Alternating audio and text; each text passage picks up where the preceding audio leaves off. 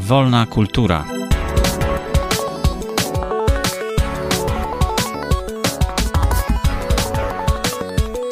8 września 2014 roku.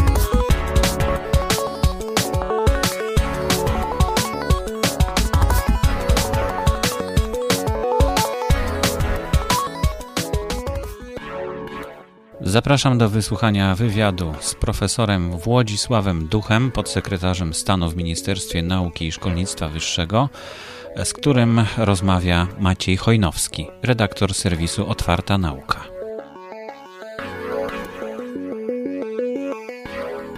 Moim dzisiejszym gościem jest pan profesor Włodzisław Duch. E, fizyk, kognitywista, a także podsekretarz stanu w Ministerstwie Nauki i Szkolnictwa Wyższego. Dzień dobry, panie ministrze. Dzień dobry.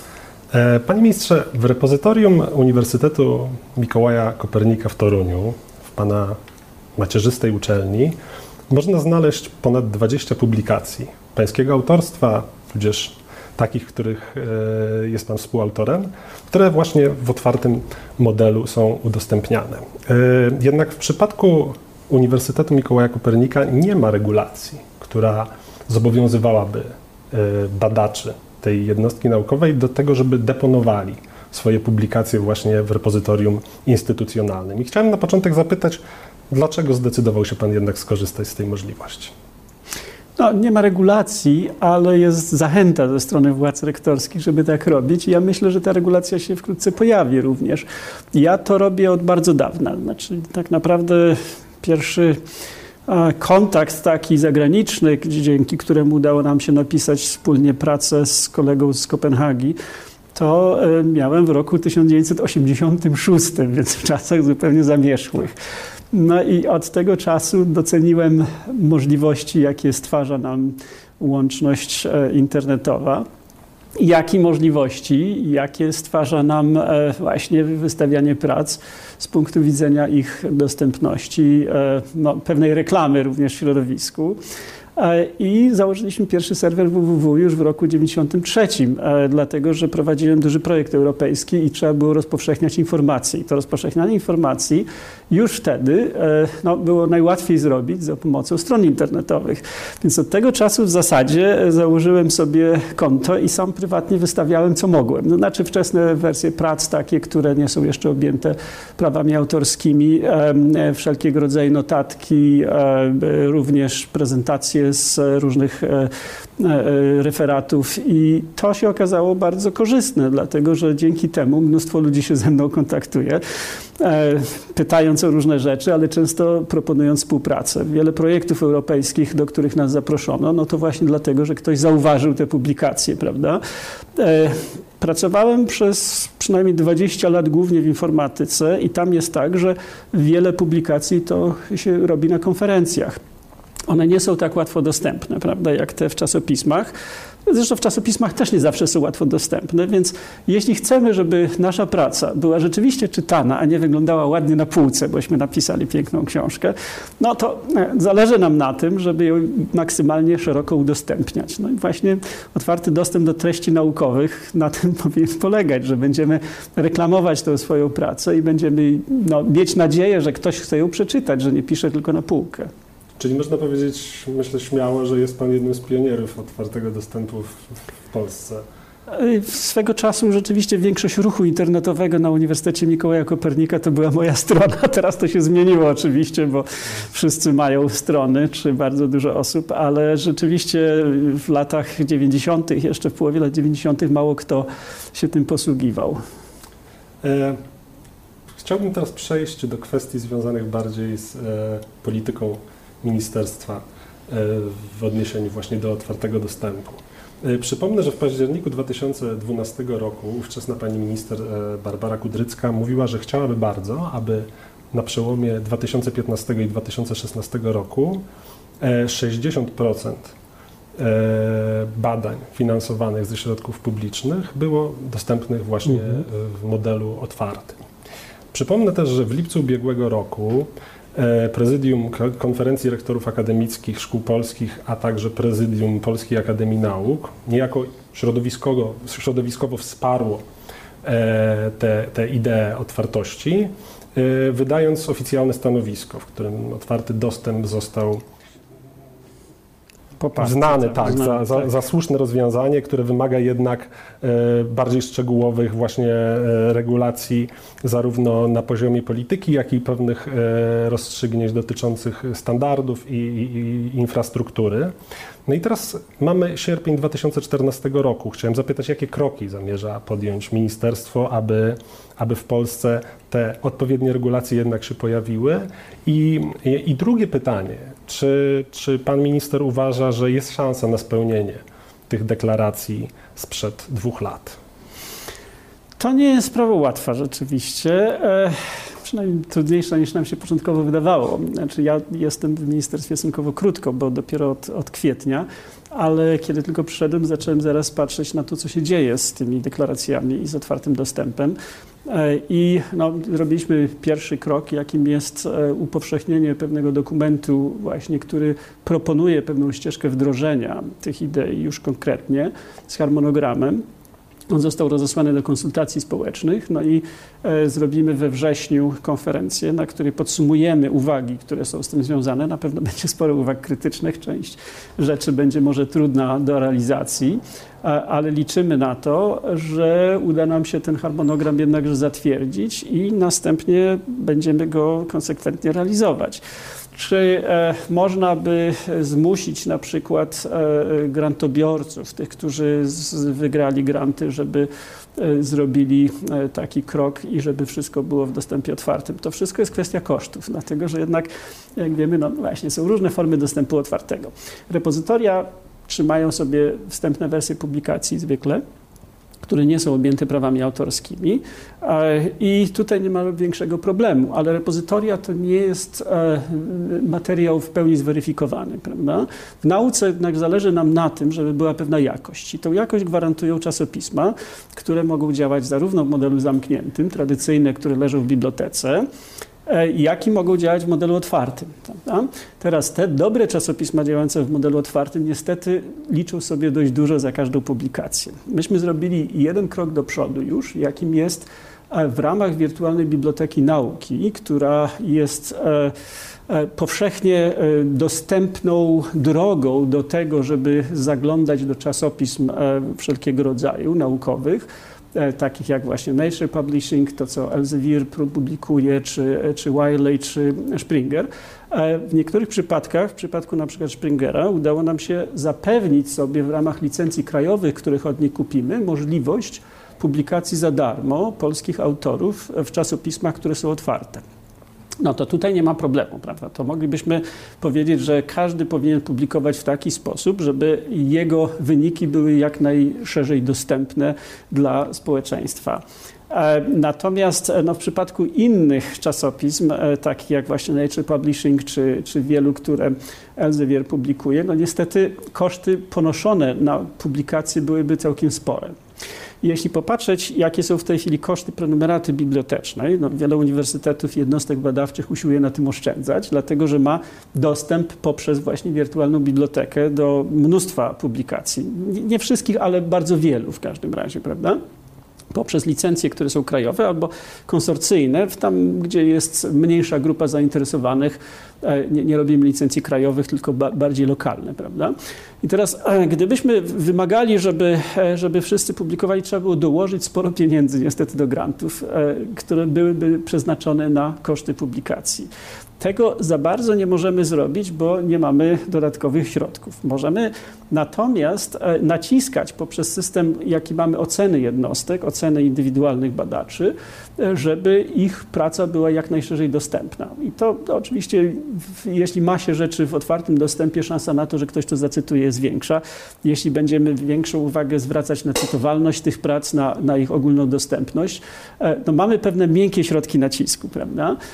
Czy uda się nam e, wygospodarować w nadchodzącym budżecie dostatecznie duże środki, żebyśmy mogli je przeznaczyć na, na wspieranie publikacji e, w e, czasopismach takich właśnie renomowanych otwartego dostępu. No, to zobaczymy, jak, jak już skończymy przymiarki do budżetu, prawda? Ja mam inną koncepcję troszkę, która nie jest jeszcze zawarta może w tym dokumencie, któryśmy rozesłali, Mianowicie taką, że my sami powinniśmy tworzyć pewne swoje platformy y, związane z czasopismami. Y, platformy, które będą też publikować y, no, książki naukowe, które się pojawiają. I tutaj szczególnie w obszarze nauk społeczno-humanistycznych e, jest bardzo dużo do zrobienia, dlatego że e, no, wiele publikacji e, takich właśnie historycznych, różnego rodzaju socjologicznych i innych, to są publikacje książkowe, które są wydawane w niewielkiej liczbie egzemplarzy. Jeśli one są tylko na papierze, no to leżą na półkach kilku bibliotek w Polsce. Mało kto ma szansę do nich zajrzeć. W związku z tym to są w znacznej mierze pieniądze, które wsiąkają w system, a nie mamy z tego wielkich korzyści w sensie e, pewnej promocji nauki polskiej, jak i sami autorzy nie są doceniani, bo ich prace są mało dostępne. Więc idea taka, że powinniśmy tworzyć te swoje repozytoria i takich już trochę powstało, po to, żebyśmy mogli książki i publikacje i czasopisma, których w Polsce jest około 2000 czasopism, prawda? Wśród tych 2000 czasopism, no na przykład e, e, lista w, w Wikipedii e, pokazuje, że jest 121 czasopism historycznych samych, prawda? No jest ogromna liczba tych czasopism, większość z nich nie ma wielkiego wpływu na stan, na postrzeganie stanu na, naszej nauki. Wie, wiecie Państwo, że, że, że co rusz są głosy takie, prawda, bardzo również, prawda, kompetentnych ludzi, którzy, e, którzy piszą, że no, nauka polska słaba, jest taka w, w tam w czwartej setce albo piątej setce i tak dalej. I jeśli się ich zapytać, i to są często profesorowie znanych uniwersytetów, jaki jest pana profesora wkład do tego, żeby w rankingu ta uczelnia była wysoko, to się okazuje, że żaden, dlatego że no tak, no moje prace są na półkach w bibliotekach, dobrze schowane. Nikt tego nie potrafi zindeksować, w związku z tym szansa na to, że nasza uczelnia w rankingu pójdzie do góry, no niestety jest zerowa, prawda? Więc, więc najpierw trzeba uderzyć we własne piersi i powiedzieć, co ja takiego zrobiłem, żeby w tym rankingu dobrze wypaść. No, żeby coś zrobić, trzeba mieć pewną platformę, prawda? Będziemy mieli e, e, możliwość e, z jednej strony repozytoriów, ale repozytoria y, to, to jest dobra droga, ale, ale dość y, prawda, słabo weryfikuje jakość tego. Więc w związku z tym chcielibyśmy mieć czasopisma. No, są takie na świecie, y, powoli się pojawią też polskie, które będą w stanie zweryfikować jakość tego i które powoli nabiorą renomy. Więc idea platformy czasopism się rozwija. W tej chwili jest kilka takich. E, powiedzmy inicjatyw takich. No największa to jest oczywiście związana z, e, z projektem Synat i Centrum Otwartej Nauki, którą Interdyscyplinarne Centrum Modelowania Komputerowego, czyli ICM, e, prowadzi w Warszawie, który jest związany z dużym projektem e, właśnie wspierania tworzenia tego typu repozytoriów i platform. I tam już jest prawie 400 czasopism, które się zgodziły na publikację ich treści. Mamy duże problemy. Niektóre z tych czasopism to są właśnie prywatne i w związku z tym tutaj prawa autorskie i rozstrzyganie tych spraw administracyjno-prawnych będzie, będzie trudne, ale jest, jest sporo takich czasopism, które już tam są. E, jest kilka uniwersytetów, które mają całkiem spore platformy. E, no, Uniwersytet Mikołaja Kopernika w Toruniu ma 40 własnych, 46 własnych i około 40 zewnętrznych czasopism w tej chwili. E, UJ ma kilkadziesiąt czasopism. Polska Akademia Nauk ma kilkadziesiąt czasopism. Instytut Badawczy i Polska Akademia Nauk stworzyły repozytorium Rycin, które już ma w tej chwili e, no, około 40 instytutów, które się wpisały w to, prawda? Więc to jest ruch na masową skalę. Bardzo dużo się skanuje czasopism w tej chwili. E, jak słyszałem, Biblioteka Narodowa e, z 1900, jakie mają polskich czasopism, 1100 już skanuje, prawda? Więc powoli ta informacja znajdzie się w publicznym obiegu. Kiedy się znajdzie, liczymy na to, że, że, że da nam to szereg korzyści. Jedna to jest taka, że będziemy w stanie lepiej ocenić jakość tych czasopism i w związku z tym w tym procesie oceny jakości nauki uprawianej przez jednostki będziemy w stanie przyznać im jakieś sensowne e, współczynniki, jakąś liczbę punktów sensowną, prawda? która będzie zależeć od tego, jak są często cytowane e, i e, jak, jak to jest postrzegane, bo będziemy mogli to wymierzyć, prawda? I to jest jeden obszar, e, gdzie, gdzie to nam się przyda, e, ale przede wszystkim autorzy na tym zyskają, dlatego że ich praca będzie e, bardziej szerzej dostępna i można liczyć na to, że wówczas pojawią się nowe cytowania i że, i że to pójdzie w dobrym kierunku. No, druga możliwość to jest, to jest właśnie taka, że zaczniemy myśleć o nie przenoszeniu samych czasopism. Tutaj już rozmawiałem z e, przedstawicielami firmy Elsevier i oni e, są skłonni te najlepsze nasze czasopisma na otwartych naszych własnych platformach przenieść na platformę Science Direct. Oczywiście nie będzie to za darmo, ale myślę, że tutaj koszty nie będą takie duże i wówczas niektóre z naszych czasopism mogą rzeczywiście pojawić się na poziomie światowym, prawda? Ale druga możliwość to jest taka, że no, od dobrych kilkunastu lat pojawiają się mega czasopisma, takie jak PLOS ONE na przykład, prawda? Jest co najmniej siedem konsorcjów w tej chwili, które coraz większy procent e, publikacji naukowych e, obejmują. E, to znaczy tworzą takie platformy, na których jednak sposób działania jest zupełnie inny. Nie jest to typowe czasopismo z redakcją, to jest raczej takie czasopismo, które ocenia, czy no, praca ma sens, czy należy ją przyjąć. Natomiast już sama ocena jakości tej pracy jest na podstawie dyskusji, które się mm, toczą, kiedy ona się pojawi na danej platformie, jak i na podstawie jej cytowań. Prawda? To, to zupełnie zmienia sposób um, oceniania nauki. To nie jest jeszcze może forma u nas bardzo popularna, ale PLOS ONE na przykład w tej chwili jest naprawdę cenioną e, platformą, e, która publikuje pracę z bardzo różnych dziedzin i publikuje mm, ogromną liczbę prac, a jednak cytowania tam są całkiem, całkiem wysokie. Więc liczę na to, że, że również w tym kierunku się da pójść. Prawda? Tworzenie własnych platform, e, umożliwianie właśnie tworzenia takich mega platform w przyszłości, to wszystko wymaga większej dyskusji w środowisku. To jest coś, co rozpoczniemy, mam nadzieję, we wrześniu, kiedy dostaniemy e, pewne uwagi krytyczne dotyczące naszych propozycji. Ale tu jesteśmy zdecydowani, że no, żeby wzmocnić pozycję naszej nauki, jednakże musimy zrobić ten krok do przodu i mam nadzieję, że w ciągu następnego roku naprawdę się dużo zmieni, że nie będą to tylko zapowiedzi. Panie ministrze, to pozwoliłbym sobie powrócić jeszcze na moment do e, tego podziału, o którym, e, o którym Pan mówił, to znaczy podziału na otwarty dostęp repozytoryjny, mhm. że tak powiem, i otwarty dostęp realizowany przez czasopisma otwarte. Mówił Pan o, o, o, platformach, które byłyby rodzajem takiego centrum udostępniania różnych czasopism otwartych, ale chciałem e, wrócić jeszcze do kwestii właśnie repozytoriów. To znaczy, wiadomo, że w skali światowej istnieje przynajmniej kilka repozytoriów, takich jak Archive czy PubMed Central, które mhm. jednak e, mają bardzo wysoką renomę. I teraz w związku z tym, nawiązując do, do, do, do tego, co Pan mówił e, przed chwilą, chciałem zapytać, czy strategia ministerstwa zakłada właśnie równowagę pomiędzy tymi dwiema e, drogami, czy też jednak któraś z nich będzie uprzywilejowana?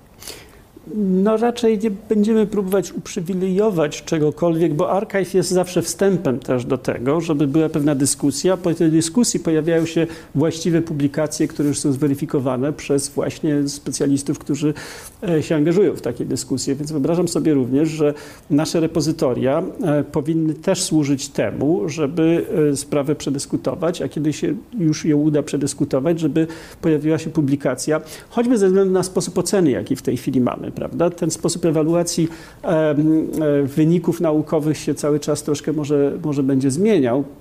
Natomiast no, sposób oceny w tej chwili jest taki, że jednak przyznajemy e, odpowiednią e, no, liczbę punktów, które są związane z jakością czasopism, których się publikuje. I to by było bardzo nam trudno zmienić, prawda? Mówiąc, no, publikujcie sobie w repozytoriach każdy, kto chce. No, gdzieś ta weryfikacja musi być, żebyśmy wiedzieli, że jest to dobra nauka, a e, znając geniusz e, e, prawda, e, kadry naukowej. Można sobie wyobrazić, że, że wygenerowanie odpowiedniej liczby cytowań w repozytorium jest stosunkowo łatwe. Prawda? Gorzej, żeby ktoś nas chciał zacytować w publikacji w Nature na przykład, prawda? że no, tutaj mamy w repozytorium bardzo ciekawy wynik. Prawda?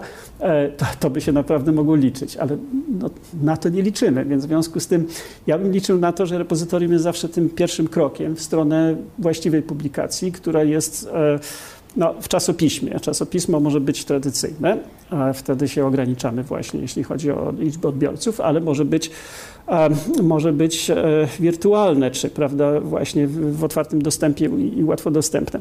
E, tak naprawdę w tej chwili poprzez to, że, że my mamy te licencje krajowe, to mamy otwarty dostęp w pewnym sensie, za który dużo płacimy jako ministerstwo, o czym środowisko nie chce pamiętać, e, ale płacimy, to jest naprawdę największa pozycja w tej chwili w budżecie pojedyncza, taka jaką mamy, za to, że każdy może sobie kliknąć i ściągnąć pracę z Nature. Za, no, ściągnięcie pracy z Nature kosztuje pojedynczej prawie 50 zł w tej chwili, więc to są poważne pieniądze, które w to wkładamy. Ale jest nadal wiele krajów, które nie mają do tego dostępu. Wczoraj mieliśmy spotkanie na przykład z ministrem e, Ukrainy i jest nadal delegacja ukraińska, która no, e, skarży się, że właśnie brakuje im takiego dostępu, bo nie zainwestowali w taką otwartą bibliotekę. Prawda? Dla nich oczywiście otwarty dostęp to jest, to jest naprawdę błogosławieństwo, dlatego że mogą wówczas e, sięgać do, do no, każdej publikacji, która, która się tutaj znajduje. Także, także nie sądzę, żebyśmy e, przyjęli jakąś taką politykę, e, że warto położyć większy nacisk na, na, na repozytoria niż, niż czasopisma, ale, e, ale jedno i drugie się tworzy. Prawda? Zobaczymy na tej konferencji wrześniowej, co uda nam się ze środowiskiem wydyskutować. No właśnie, czy jest Pan dobrej myśli? Bo ch chciałem zapytać też o kwestię odbioru otwartego dostępu w środowisku naukowym w Polsce. To znaczy, z jednej strony są rekomendacje e, unijne, prawda, które mogą wydawać się takim trochę urzędniczym e, poszturchiwaniem prawda, badaczy, którzy gdzieś tam funkcjonują w swoim świecie i niekoniecznie mają ochotę właśnie realizować e, jakieś, jakieś pomysły urzędników, ale z drugiej strony no, faktem jest i myślę, że pan minister jest tego znakomitym przykładem, że jednak właśnie otwarte udostępnianie własnych publikacji łączy się z korzyściami. Nie są to korzyści abstrakcyjne, typu właśnie e, e, e, jakaś tam, jakieś tam profity społeczne w bardzo szerokiej skali, gospodarcze czy, czy nawet naukowe, ale łączą się z konkretnymi korzyściami dla badacza tego mhm. jednego konkretnego, mhm. który udostępnia swoje prace, ponieważ tak jak Pan e, wspomniał, no, nazwisko badacza, jego dorobek staje się coraz bardziej rozpoznawalny, zwiększa się jego cytowalność, prawda? Jeśli jeszcze zastosować odpowiednie mechanizmy, które by to ułatwiały, to wówczas zupełnie zmienia się ten krajobraz właśnie nauki, zarówno jeśli chodzi o dostęp do publikacji, jak i o możliwość jej ewaluacji. Właśnie chciałem zapytać, czy, czy zdaniem Pana Ministra polscy naukowcy są świadomi tych, tych korzyści? No, zależy jacy, prawda? Mamy z jednej strony naprawdę część nauki, która nie ma z tym problemu i gdzie już uczeni publikują w tych najlepszych czasopismach, prawda? Które są odpowiednio indeksowane, są w bazach danych e, powszechnie dostępnych i tutaj akurat ocena tego typu działalności jest stosunkowo łatwa, bo po prostu mamy wymierne wskaźniki, prawda? E, natomiast no, jest część e, środowiska, zwłaszcza związana z naukami humanistyczno-społecznymi, która nie jest może do tego przyzwyczajona, bo zwykle właśnie publikowano e, wyniki swoich badań w książkach i e, środowiska były dość zamknięte, hermetyczne. E, w efekcie nie mamy żadnego pojęcia, czy ktoś to czyta, prawda, co się z tym dzieje. No, stoi na półce dobrze. Ostatnio byłem naprawdę przerażony, kiedy usłyszałem e, wypowiedź jednego z naprawdę wybitnych naszych filozofów z jednego z najlepszych uniwersytetów, który powiedział, że jak usłyszał, że książkę mają wydać elektronicznie, to od razu się z tego wycofał ze strachem. Więc nie wiem, czy chodzi o to, żeby ona ładnie wyglądała stojąc na półce, miała ładną oprawkę, czy żeby ktoś to czytał i dyskutował, prawda? Bo jeśli czytał i dyskutował, no to czy ona jest w formie właśnie dostępnej powszechnie, czy stoi sobie e, na półce, to jest zasadnicza różnica, prawda? E, e, tekstu takiego drukowanego właśnie w formie książkowej e, no, aż tak wielu ludzi nie przeczyta. Natomiast no, sam jestem zainteresowany wynikami różnych badań, takich socjologicznych, historycznych, do których bym chętnie zajrzał, gdyby nie to, że musiałbym pójść do jakiejś biblioteki, na co nie mam czasu, prawda? Zresztą, jeśli popatrzeć znowu na to, co się dzieje w, na uniwersytetach czy w instytutach badawczych, no, no to w bibliotece rzadko się zdarza, żeby jakiś młody badacz siedział i coś czytał, prawda? Czasopism e, jeszcze trochę jest, natomiast ich e, używalność coraz bardziej spada, mi się wydaje. Ja, ja sam pamiętam, jak no, starszy profesor nowozelandczyk, który u nas kilkanaście lat pracował w instytucie, zawsze opowiadał, że oczywiście papier, że trzeba do biblioteki. Nigdy go w bibliotece nie można było zastać. Zawsze siedział przed ekranem, czytał z ArchiveX między innymi rzeczy, prawda? Więc ludzie mówią jedno, mówią jak przywiązani są do tego papieru, a robią drugie, prawda? Czytają rzeczy na ekranie, bo tam im wygodniej, prawda? Ja praktycznie wszystko czytam w swoim tablecie, bo tak akurat mi jest najwygodniej i nie, nie mogę nosić tylu ciekawych rzeczy, które, które znajduję znajduję. No, no, oczywiście mam nadal półki pełne książek, mam nadal półki zawalone kserokopiami na przykład, prawda? Nawet jeśli wiem, że coś stoi za moimi plecami na półce, to ja to znajdę szybciej w internecie, więc szybkość wyszukiwania informacji również, prawda? E, możliwość dotarcia do niej, e, to, to jest zasadnicza różnica i Wydaje mi się, że również, e, również osoby, które mają duże opory przed tym, no, dostrzegą pewną szansę w tym, że wszystko dąży w kierunku otwartej nauki. Co więcej, no jest, jest jednak w tej chwili kilka idei takich daleko idących właśnie w naukach humanistyczno-społecznych, prawda? Jest, e, są, są takie duże projekty europejskie, jak na przykład Dariach, którą właśnie teraz dyskutujemy. To jest stworzenie takiego europejskiego środowiska cyfrowego w, w dziedzinie sztuki i nauk humanistycznych ogólnie rzecz biorąc, prawda? Idea jest taka, że no, naprawdę jest tam sporo projektów bardzo interdyscyplinarnych.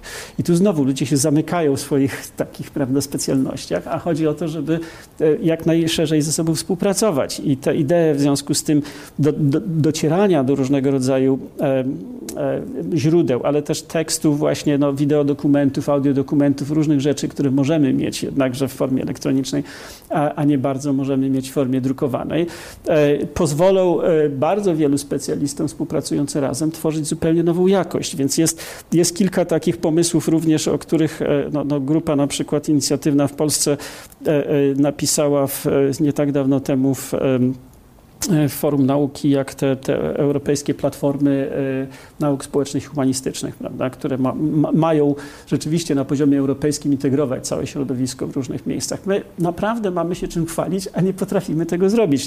Nasza kultura jest niewidoczna na zewnątrz. Prawda? Ludzie piszą o historii Polski z zewnątrz, dlatego że nasze podręczniki historyczne e, nie pojawiają się w językach obcych. Prawda?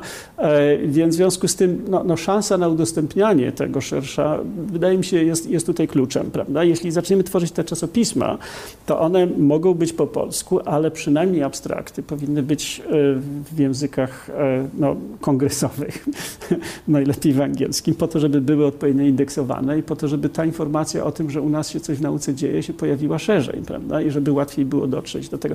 Więc kluczem tutaj naprawdę są dobre systemy wyszukiwawcze. Prawda? To jest bardzo trudne do, do organizacji.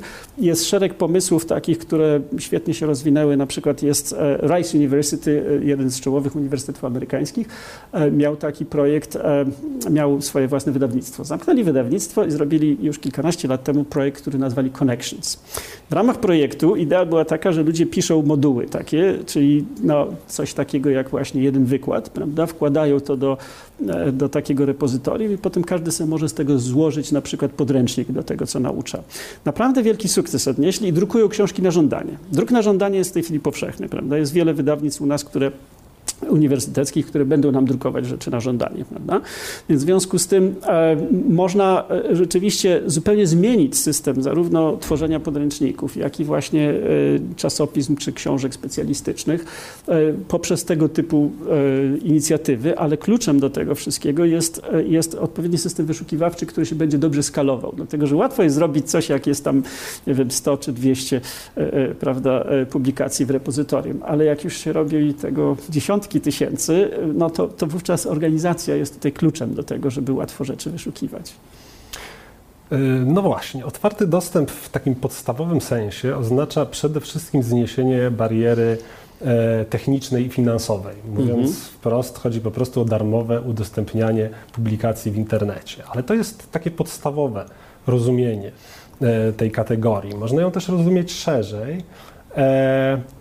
Jako zniesienie również barier prawnych. O co tutaj chodzi? To znaczy, przede wszystkim rzecz polega na tym, że wówczas, kiedy te bariery prawne zostaną e, usunięte, możliwe jest nie tylko, że tak powiem, bierne korzystanie z danego materiału, ale, ale również yy, użytkownik dostaje swobodę wykorzystywania go chociażby w taki sposób, że mhm. może tekst X włączyć do grupy tekstów które następnie są chociażby automatycznie właśnie e, analizowane. To jest prawda, tak zwany text mining i y, może również wykorzystywać je na potrzeby edukacyjne. Jakby nie ma tych ograniczeń, które, które łączą się właśnie z tradycyjnie rozumianymi e, prawami autorskimi. Teraz chciałem spytać, czy ministerstwo oba te aspekty, które zwykło się nazywać właśnie otwartym dostępem gratis i, i otwartym dostępem LIBR, uważa za równie istotne i czy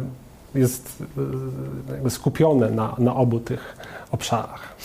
No, ministerstwo nie może narzucać środowisku, co ma robić troszkę, prawda? E, jest tak, że no, musimy to przedyskutować w szerszym gronie, żeby zobaczyć, na co się ludzie zgadzają. Dlatego, że, że no, ja, ja uważam, że dobrze jest, że właśnie możemy w oparciu o materiał już istniejący zrobić krok do przodu. Dlatego, że w wielu dziedzinach, kiedy nie było łączności, ludzie powtarzali w koło, robili te same rzeczy, kręciło to się w koło zamiast posuwać do przodu.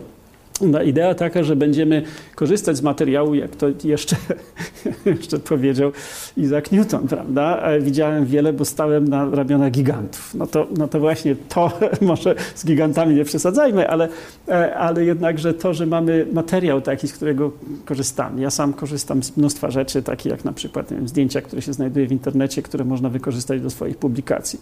No, no jeszcze niedawno naprawdę chciałem sięgnąć do jakiegoś atlasu do mózgu i, i napisałem do twórcy, i napisali, no każdy slajd, który chcę pokazywać w prezentacji będzie mnie kosztował 90 dolarów za jeden slajd. No, no, przepraszam, dziękuję, ja tego nikomu mogę nie pokazać, ja sobie zrobię kopię tego i pokażę slajd. No bo jest to jednak dość e, e, przesadne, prawda? To, to zrobienie jednego wykładu mnie musiało kosztować dziesiątki tysięcy często, bo się tych rysunków dużo, dużo robi, prawda? No, a z drugiej strony ten materiał jest, jest dość powszechnie dostępny i on nam na, naprawdę ułatwia życie. To, że że właśnie ludzie wystawiają w tej chwili swoje wideofilmy z prezentacjami, że wystawiają mnóstwo ilustracji, które potworzyli i tak dalej. No, nabudowujemy na tym, co jest, prawda? Dzięki czemu możemy się posuwać do przodu, możemy sprawdzić, co już kto zrobił. No, to jest też Ech, takie mieszane błogosławieństwo, rzekłbym, bo co mam świetny pomysł, to sprawdzam, że już go ktoś zrobił, ale kiedyś po prostu bym go w koło zaczął sam rozwijać i okazało, że gdzieś ktoś właśnie zrobił w końcu, a ja straciłem lata pracy, więc lepiej od razu to wiedzieć i wtedy można zobaczyć, co dalej, prawda? E, także wyobrażam sobie, że, że, że jedna i druga droga tutaj może być e, z korzyścią, ale e, oczywiście udostępnianie wszystkiego no, powoduje, że własność intelektualna no, zaczyna być rzeczą problematyczną, prawda? Trochę się rozmywa, prawda? Ja nie jestem tak bardzo przywiązany do swoich pomysłów, mam je naprawdę wiele, żeby tropić, gdzie one się tam pojawiają. I wielokrotnie mi się zdarzało, że no właśnie, pracowałem nad czym, rzucałem pewne pomysły, coś tam napisałem, potem patrzę, że ludzie robią takie rzeczy, zapomniawszy o tym, skąd się to wzięło. No, no trudno, no, no, prawda, pracujemy dla dobra publicznego, prawda, niekoniecznie dla, dla tego, żeby tylko mnie przypisywać zasługi z tym, z tym związane, ale rozumiem, że to są różne poglądy. Ludzie, którzy robią karierę, oczywiście chcieliby, żeby to, co robią, jak najbardziej było przypisane do, e, e, no właśnie, ich, ich wysiłku twórczego, prawda, więc, więc tu sobie wyobrażam, że, e, że jednak ten bardziej ograniczony model, prawda, który, który no, daje tylko dostęp gratis, ale nie libre, będzie E, no, też istotny, prawda? I tu każdy twórca powinien określić, na ile on uważa, że to, co zrobił, może być dalej wykorzystywane przez innych. Przy czym właśnie w tym dostępie Libre również jest możliwość taka, że no tak, możecie wykorzystać moją pracę, ale proszę zrobić odnośnik odpowiedni, prawda? No, też mamy zyski z tego związane z cytowaniem, prawda? Jest, jest tak, że rzucamy pewne pomysły, kto się w nauce nadal rozwija, ale gdzieś ta nasza praca pionierska, która, od, od której się to zaczęło, się pojawia, prawda? No, w pewnym momencie w pewnym momencie przestaje się pojawiać, bo, bo właśnie, bo już tyle się zrobiło. Ludzie nie sięgają do tych źródeł i jest mnóstwo ludzi, które moim zdaniem niesłusznie e, uważani są za pionierów, po prostu nikt się, nikt się nie, nie cofnął, prawda, bliżej tutaj. E, panie ministrze, można mówić o otwartym dostępie jako o części szerszej inicjatywy, jaką stanowi otwarta nauka. I w obszarze otwartej nauki mówi się dziś właśnie nie tylko o otwartym udostępnianiu artykułów, ale także o otwieraniu danych, o otwartym recenzowaniu, czy wręcz o prowadzeniu badań przy tak zwanym otwartym e, notatniku.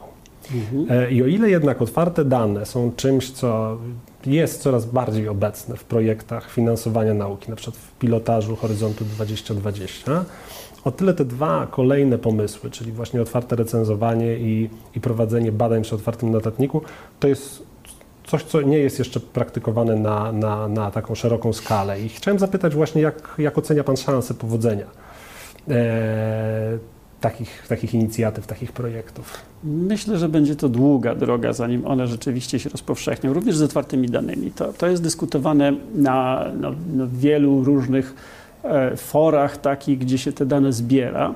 Otwarte dane są bardzo dobre, jeśli chce się zrobić konkurs. Na przykład ja sam robiłem kilka lat temu taki konkurs dotyczący e, analizy ruchów gałki ocznej u osób, które no, mają różne zaburzenia, cierpią na różne schorzenia. Dane zostały zebrane przez psychiatrów i udało nam się zrobić całkiem fajny konkurs, prawda, który spowodował, że ludzie analizujący sygnały byli w stanie wyciągnąć jakieś no, ciekawe informacje diagnostyczne z tych danych, prawda? Ale przygotowanie takich danych, ktokolwiek to robił, wie, że, że jest bardzo uciążliwe. Jedna z takich innych rzeczy, którąśmy robili z kolegami w Stanach Zjednoczonych, to było przygotowanie wypisów ze szpitala, po to, żeby automatycznie można było robić anotacje i powiedzieć właściwie, co mu tam zrobili i za ile, prawda? E, I tutaj trzy firmy zrobiły swoje własne anotacje i myśmy z tego zrobili e, końcowo jakąś wersję taką. Nawet takie dane tekstowe, oczyszczanie tego, żeby to się nadawało, to jest bardzo uciążliwe. Dane na przykład e, e, dotyczące neurobrazowania. No bardzo trudno się je udostępnia ze względu na to, że każdy, każde z urządzeń jest bardzo specyficzne, prawda? Trzeba się nauczyć rzeczywiście, że czasem elektroda nie kontaktuje, czasem któryś kanał nie działa jest dużo dyskusji na ten temat, że dobrze, dobrze jest te dane udostępniać, bo ktoś może coś ciekawego z nich znaleźć, inne, prawda? I ta, ta idea dużych danych, które, które się coraz bardziej rozpowszechniają, na, na których można uprawiać bardzo ciekawą naukę, no, zaczyna się bardzo dynamicznie rozwijać. Ale, ale właśnie problem z tym, że no, większość badaczy patrzy dość egoistycznie. Mówię, co ja z tego będę miał?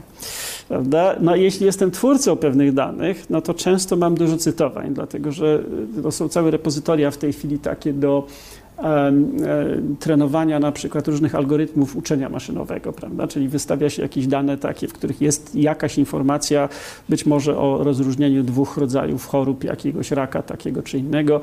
I teraz ludzie próbują w różny sposób analizować te dane, ktoś pada na dobry pomysł. Dużo ludzi próbuje, dużo cytowań e, ludzie dostają, którzy te dane zebrali, prawda? E, także, także są z tego pewne zyski, ale czasami naprawdę jest strasznie dużo pracy, żeby, żeby no, te dane odpowiednio przygotować. I w związku z tym sprawa się rozwija dość powoli. E, jeśli chodzi na przykład o dane dotyczące elektroencefalografii, e, no to jest, jest w Warszawie grupa neuroinformatyki, która się takimi rzeczami zajmuje od lat.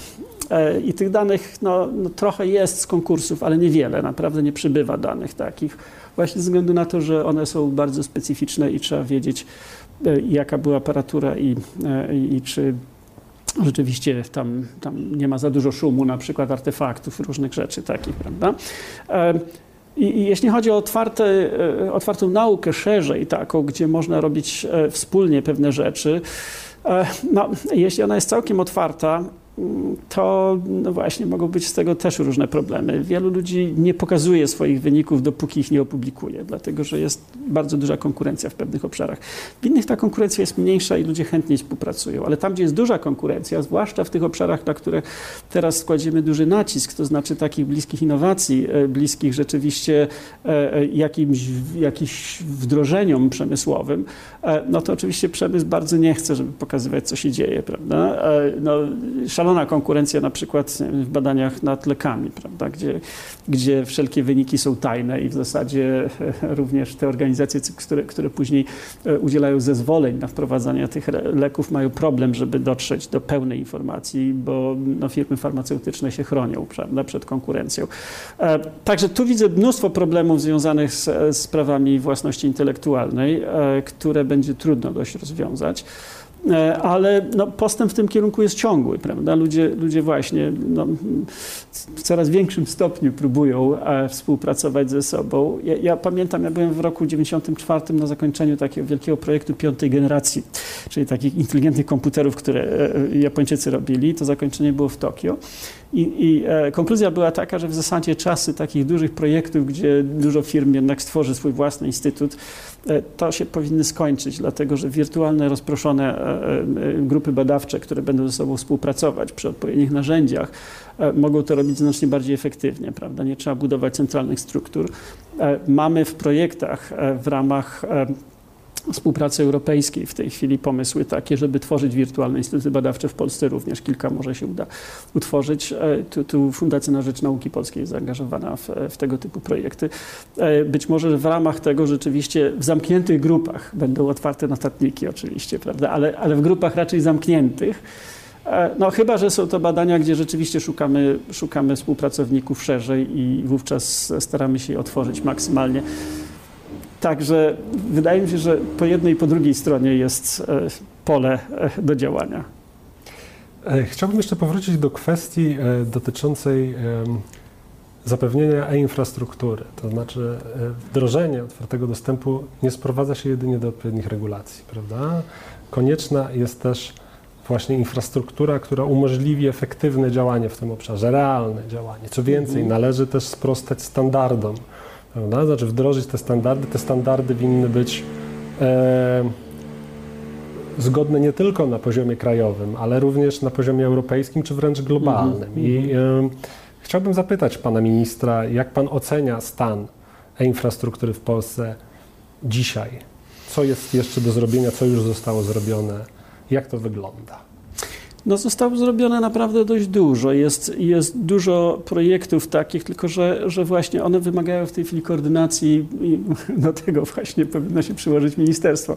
Koordynacji e, ze względu na to, że wiele uczelni tworzy swoje repozytoria, prawda, że te standardy nie zawsze są uzgodnione i będziemy mieli z tym kłopot. To zresztą we wszystkich dużych projektach informatycznych tak się porobiło, prawda? Każdy chciał już mieć, a, a efekt jest taki, że systemy nie są ze sobą kompatybilne, prawda? Ale budujemy te systemy na większą skalę. Budujemy e, centralne systemy takie jak Polon, który zawiera informacje o wszystkich publikacjach, o tym, co się dzieje na uczelniach, jaka jest aparatura. Pojawiają się e, no, takie właśnie e, duże repozytoria publicznych danych, które Ministerstwo Administracji i Cyfryzacji e, będzie utrzymywać.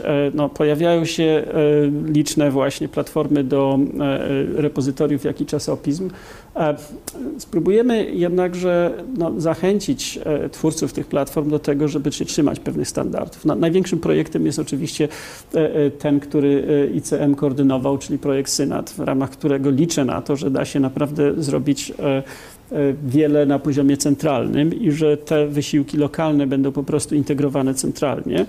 E, I to będzie wymagać rzeczywiście uzgodnień pomiędzy twórcami e, platform lokalnych i platform centralnych. Ich na szczęście jeszcze nie ma aż tak dużo, ale trochę jest. I teraz jeszcze te europejskie projekty nadchodzą, prawda? I tutaj infrastruktura projektu Dariach, projektów tych SSH, prawda, platform i tak dalej, która się pojawi, które no, są dość nowatorskie, bo funkcje tam się pojawiające są dość nowatorskie te związane właśnie ze współpracą z e, dostępem nie tylko do, e, do zindeksowanych i zeskanowanych źródeł, ale z możliwością uprawiania nauki tego, co Google prawda, zrobił swoją kulturonomikę. Bardzo ciekawe, prawda, mając tyle zeskanowanych już, już źródeł, można tam śledzić zmiany e, różne, prawda, popularności używania różnych zwrotów, kiedy się pojawiły, prawda, kiedy był szczyt popularności, jak to się zmieniało, E, językoznawcy są tym bardziej zainteresowani, historycy są bardzo zainteresowani. Krótko mówiąc, dostęp taki szeroki do informacji, które e, się pojawiły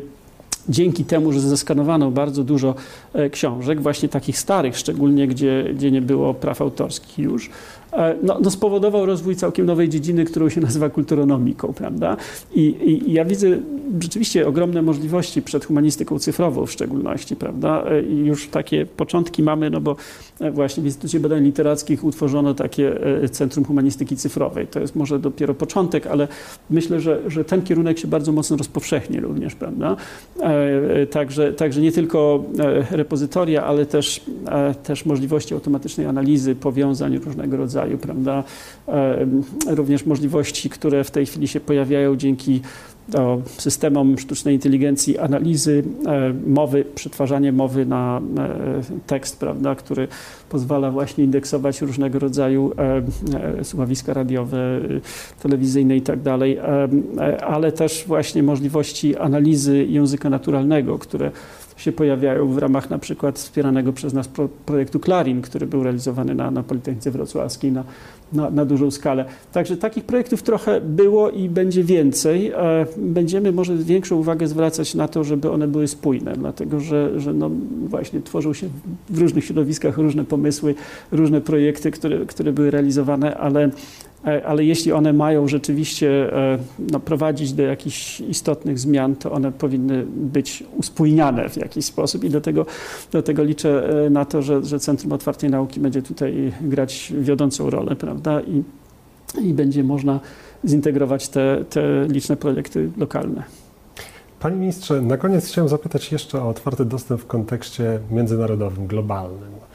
E, bo nie jest tak, że, że otwartość, właśnie otwarty dostęp jest specjalnością Europy czy Ameryki Północnej, ale rzeczywiście w każdym zakątku globu właściwie chyba jest już dzisiaj przynajmniej jedna instytucja, która, która właśnie wdraża e, otwarty dostęp.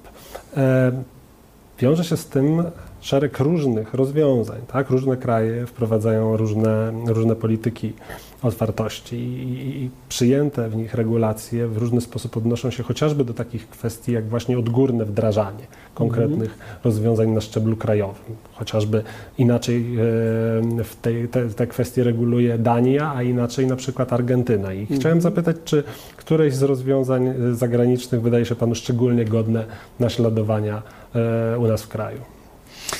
Nie no jest szereg takich projektów europejskich dotyczących otwartego y, dostępu, prawda? Y, ten Pasteur for OA na przykład, projekt taki, to jest projekt, który ma spinać te różne rzeczy. Open Access Policy Alignment Strategies for European Research. Prawda? Są różne posunięcia takie europejskie, zobaczymy co z tego będzie. To jest projekt, który dopiero w lutym tego roku się rozpoczął, prawda? I, jest wstępnie na, 3 lata przewidziany zaledwie. No jest taki projekt, czy organizacja Spark w Europie, która która, działa na rzecz Open Access. Także e, jest tutaj, nawet mamy swojego przedstawiciela, to jest e, e, akurat zastępca dyrektora Biblioteki Uniwersyteckiej UMK, czyli, czyli pani, pani Bednarek-Michalska, bardzo aktywna w, ty, w tym obszarze otwartej nauki, organizująca różne konferencje. Jest, jest cały szereg takich pomysłów, prawda, jak rzeczywiście uspójnić tą infrastrukturę na, na, na szerszą skalę. No, ale tutaj znowu, my jako ministerstwo staramy się racjonalnie rozdzielać środki tam, gdzie wydaje nam się, będzie z tego największy zysk dla nauki polskiej i dla polskiego społeczeństwa ogólnie rzecz biorąc, prawda? Ale, a, ale my nie jesteśmy e, no, wszechwiedzący, tak, żeby powiedzieć, co będzie e, rzeczą właściwą. To musi zostać wydyskutowane no, przez środowisko, środowisko w tym przypadku nie tylko w Polsce, ale, ale ogólnie europejskie w ramach tego typu przedsięwzięć i organizacji. No i liczę na to, e, że tutaj osiągniemy jakiś konsensus, który pozwoli nam rzeczywiście budować spójne platformy. E, no bo bez tego rzeczywiście każdy, każdy skończy z czymś, co, co będzie niespójne i będzie bardzo trudno nadal no, stworzyć takie systemy wyszukiwawcze, żeby, żeby sensownie z tym wszystkim sobie poradziły. Panie ministrze, bardzo dziękuję za tę ciekawą rozmowę. Ja również dziękuję.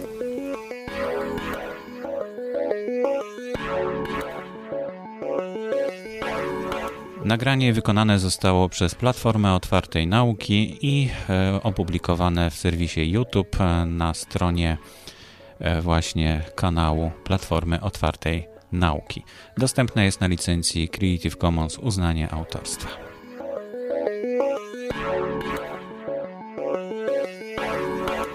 Audycja podcast Wolna Kultura tworzona jest wspólnie z Koalicją Otwartej Edukacji i dostępna na stronie koed.podcasty.info.